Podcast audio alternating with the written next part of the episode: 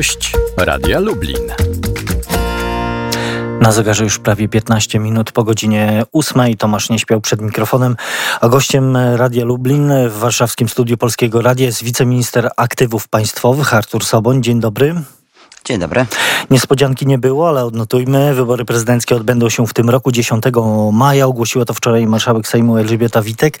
I zaraz y, potem prezydent Andrzej Duda, to też nie jest zaskoczenie, ogłosił, że zamierza ubiegać się o reelekcję. Czyli wszystko idzie zgodnie z planem? No, można powiedzieć, że wszyscy kandydaci wczoraj potwierdzili to, że e, chcą się ubiegać e, w tych wyborach e, o urząd głowy państwa, mandat społeczny dla pełnienia funkcji prezydenta Rzeczpospolitej. W przypadku Andrzeja Dudy jest to naturalna konsekwencja jego polityki prowadzonej przez ostatnie pięć lat, polityki, którą, dzięki której Polska osiąga tak znakomite mm, wyniki, zarówno jeśli chodzi o polską gospodarkę, jak i e, sukcesy na polu międzynarodowym. To jest e, ogromnie ważna rola i pan prezydent pełni ją znakomicie i myślę, że ma pełne szanse, aby pełnić ją przez kolejne pięć lat. Już e, wszyscy kandydaci, pan myśli, że się objawili? To już jest zamknięta lista? Nie, czy tego nie ktoś... powiedziałem. Wszyscy ci, którzy, tak bym nie powiedział, pewnie... Ktoś jeszcze, jeszcze się może przebojem pojawić wśród kandydatów? No, przebojem jak przebojem, bo nie spodziewam się, żeby to byłaby jakaś kandydatura, która e, porwie e, serca i umysły Polaków i zmieni cokolwiek na polskiej scenie politycznej, bo to jest dzisiaj niemożliwe, ale być może jakaś egzotyczna kandydatura się jeszcze pojawi. A czy podpisem pod nowelizacją ustaw sądowych e, prezydent Andrzej Duda zagwarantuje sobie drugą kadencję, czy wręcz e, przeciwnie, oskarżenia o łamanie konstytucji sprawią, że to opozycja będzie rosła w siłę? Nie rozpatrywałbym e, tego projektu ustawy w kategoriach kampanii wyborczej. Ta kampania się mm, dopiero no ale siłą rozpoczyna. Rzeczy, siłą rzeczy będzie to jeden z głównych Raczej, tematów, okay, na pewno tem, wykorzystywany przez opozycję.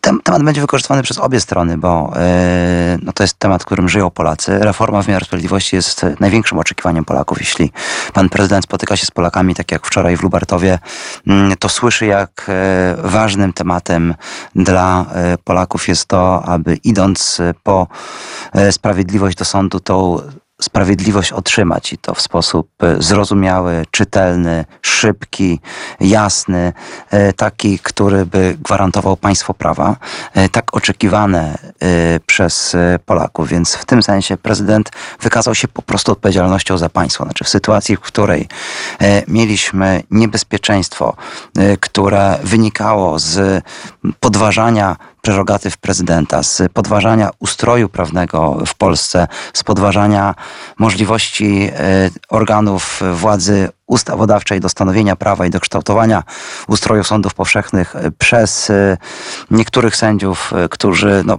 bardziej gotowi angażować się politycznie niż orzekać w prostych cywilnych sprawach odwoławczych, tak jak słynny już przypadek sędziego Juszczyszyna z Olsztyna. No, mamy sytuację, w której musiała być reakcja i to jest reakcja stabilizująca mm, ten potencjalny rokosz, potencjalny chaos, potencjalny bałagan. No ale z jakiegoś powodu pół Polski tego nie rozumie. To znaczy nie przekonujecie mm, do tego, do tej reformy połowy Polaków. Y, Małgorzata Kidawa-Błońska mówi, że prezydent swoim podpisem zatwierdził zamach stanu na polską praworządność. To jest dzień hańby. Prezydent nie jest godny tego, żebyśmy traktowali go jako prezydenta naszego kraju, bo nas po prostu zdradził. To we wtorek y, powiedziała mm, tuż po podpisie, po tej informacji o, o podpisaniu przez prezydenta tych, tej nowelizacji. Zdecydowana większość Polaków chce zmian w wymiarze sprawiedliwości e, i zdecydowana większość Polaków e, źle ocenia dzisiaj pracę wymiaru sprawiedliwości. Tylko Opozycja dzisiaj mamy, prowadzi... mamy, panie ministrze, sytuację taką, że e, wielu sędziów mówi wprost, jest pewien dyskomfort orzekania. No, panie redaktorze, ponieważ opozycja prowadzi do sytuacji kompletnie absurdalnej. To znaczy, jeśli przyjmiemy, że ci e, sędziowie, około 500 sędziów, którzy są powołani przez obecną KRS, e, są powołani w jakiś wadliwy sposób, mm, no to przyjrzyjmy się tym sędziom pozostałym, którzy dzisiaj e, mogą i powinni orzekać. To są sędziowie albo powołani przez poprzednią KRS, która była podważona wielokrotnie przez Trybunał Konstytucyjny nie ma żadnych wątpliwości, że jeśli ktoś szuka dzisiaj wątpliwości prawnych przy obecnych nominacjach KRS, no to takie same, a nawet dużo dalej idące znajdzie przy poprzedniej KRS. Czy sędziowie powołani przez Radę Państwa PRL to są sędziowie, którzy powołani zostali przez e, prawomocny e, przez praworządny, przez demokratyczny organ. No przecież nie, doskonale o tym wiemy. Więc co nam zostaje? To znaczy, stosując logikę ad absurdum, pokazując do czego prowadzi taka e, polityka, w której podważa się prerogatywy e, ustrojowe, które zostały w Konstytucji zapisane, no ona prowadzi na kompletne manowce. To znaczy, e, gdybyśmy szli konsekwentnie logiką opozycji, nie mielibyśmy dzisiaj sędziów, którzy nie byliby pozbawieni jakichkolwiek wątpliwości do orzekania. I co wtedy?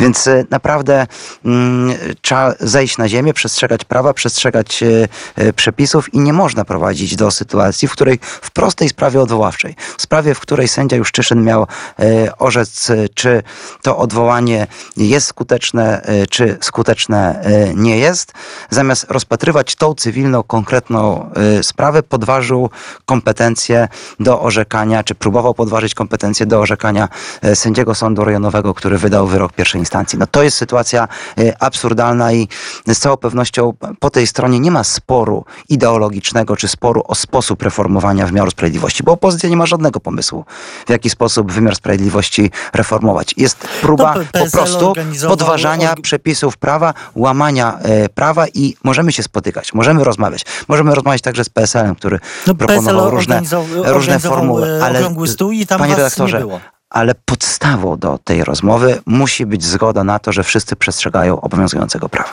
A czy prezydent Andrzej Duda w tej sprawie jest zakładnikiem Prawa i Sprawiedliwości?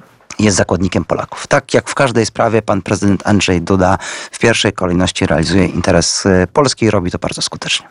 Y, to jeszcze wróćmy do y, dnia wczorajszego. Czy to, że prezydent ogłosił swój start w wyborach prezydenckich, jak już powiedzieliśmy, nie było to zaskoczenie, ale, ale pewne oczekiwanie na tę oficjalną decyzję było. Ten swój start właśnie w Lubartowie, to ma znaczenie, czy to przypadek? No ma, bo pan prezydent y, jest y, tym politykiem, który spotkał się z Polakami we wszystkich powiatach y, Rzeczpospolitej. No to jest coś, z czym nie może się zmierzyć żaden z kontrkandydatów. To jest ta chęć dialogu, chęć rozmowy, chęć tych bezpośrednich spotkań z Polakami, no, która wczoraj no, znakomita atmosfera, znakomite spotkanie w Lubartowie, no, która jest, można powiedzieć, tą przewagą e, pana prezydenta Andrzeja Dudy w stosunku do innych kandydatów. Żaden z kandydatów nie jest w stanie e, gromadzić Polaków, nie jest w stanie słuchać i rozmawiać z Polakami w taki sposób, w tak kompetentny, w tak uczciwy, w tak otwarty sposób, e, czego tam tym przykładem była, był ten wątek polityki klimatycznej, znakomita reakcja pana prezydenta, mm, świetne wyjaśnienie ze strony prezydenta Rzeczypospolitej, ale jednocześnie możliwość wyrażania swoich wątpliwości, swoich swoich obaw, mm, swoich przekonań y, tych, którzy takie wątpliwości y, posiadają. Ta otwartość, ta chęć dialogu, to, że pan prezydent widzi całą Polskę, nie tylko duże miasta, no to jest właśnie, Lubartów jest właśnie dobrym miejscem, aby ogłosić start kampanii prezydenckiej, bo to jest symbol tej kampanii. Blisko Polaków, słuchać Polaków, rozmawiać z Polakami, a jednocześnie zachowywać te wszystkie prerogatywy, które są dla prezydenta ważne, szczególnie w polityce międzynarodowej międzynarodowej, szczególnie w zakresie bezpieczeństwa Polski, bo oprócz tego, że pan prezydent był w Lubartowie, był w największym zakładzie związanym z przemysłem obronnym e, w tej części Polski, czyli w PZL Świdnik, pokazując jak ważną rolę dla jego prezydentury są e, kwestie związane z bezpieczeństwem państwa. I to jeszcze na koniec e, pytanie właśnie o kwestię bezpieczeństwa, bo ostatnio w Dęblinie szef MON Mariusz Błaszczak także przy udziale prezydenta podpisał umowę zakupu przez Polskę od Stanów Zjednoczonych 32 samolotów e, bojowych F-35. Wartość tej umowy to e, blisko 5 miliardów dolarów. E, to maszyny, które zapewnią nam bezpieczeństwo? Dzięki takim projektom wchodzimy do grona już absolutnie elitarnego państw, które posiadają najnowsze technologie w zakresie e, obrony powietrznej w e, swoich siłach zbrojnych. Jesteśmy częścią międzynarodowego projektu e, samolotu, który jest najnowszej generacji samolotem, który no, pozwala na wykonywanie zadań w taki sposób, aby robić to wspólnie z naszymi sojusznikami, robić to na sprzęcie no, najnowszej klasy, na najlepszym po prostu sprzęcie, jaki jest dzisiaj dyspozycji, do dyspozycji dla żołnierzy, więc mamy, jeśli chodzi o bezpieczeństwo, no takie mm, filary, to z jednej strony mamy sojusze międzynarodowe, one są oczywiście zawsze na pierwszym miejscu, czyli nasze zobowiązania wobec NATO, 2,5% wydatków PKB, czyli rosnące wydatki na mm, polskie zbrojenia. Z drugiej strony mamy współpracę ze Stanami Zjednoczonymi jako państwem, które dzisiaj ma swoje interesy w tej części Europy i które, mm, z którym budujemy wspólne instalacje radzikowo, wspólne bazy wojskowe i wspólne mm, akcje e, związane ze stabilizacją, takie jak na przykład w państwach e, bałtyckich. No ale zdaje się też, że to wszystko nie przekonuje Małgorzaty Kidawy-Błońskiej, która mówi, nie czuje się bezpieczna, bo te samoloty, własny, jak dobrze pójdzie, będzie mieć w Polsce za 15 lat. Mamy własny przemysł obronny, który wzmacniamy tam, gdzie nie mamy, tam pozyskujemy nowoczesny sprzęt od naszych sojuszników. Wreszcie budujemy polskie siły zbrojne, unowocześniamy je, dobudowując jednocześnie ten filar społeczny, tak bym to nazwał, czyli e, Wojska Obrony Terytorialnej, wykorzystując zaangażowanie, entuzjazm, kompetencje i siłę mm, e, tych młodych ludzi, którzy do tych e, wojsk przystępują. One się świetnie też w naszym regionie rozwijają, więc naprawdę to, co udało się zrobić przez te ostatnie pięć lat w zakresie bezpieczeństwa państwa jest absolutnym przełomem. Jesteśmy dzisiaj dużo mocniejsi, mamy więcej środków, mamy silniejszą armię i mamy więcej wojsk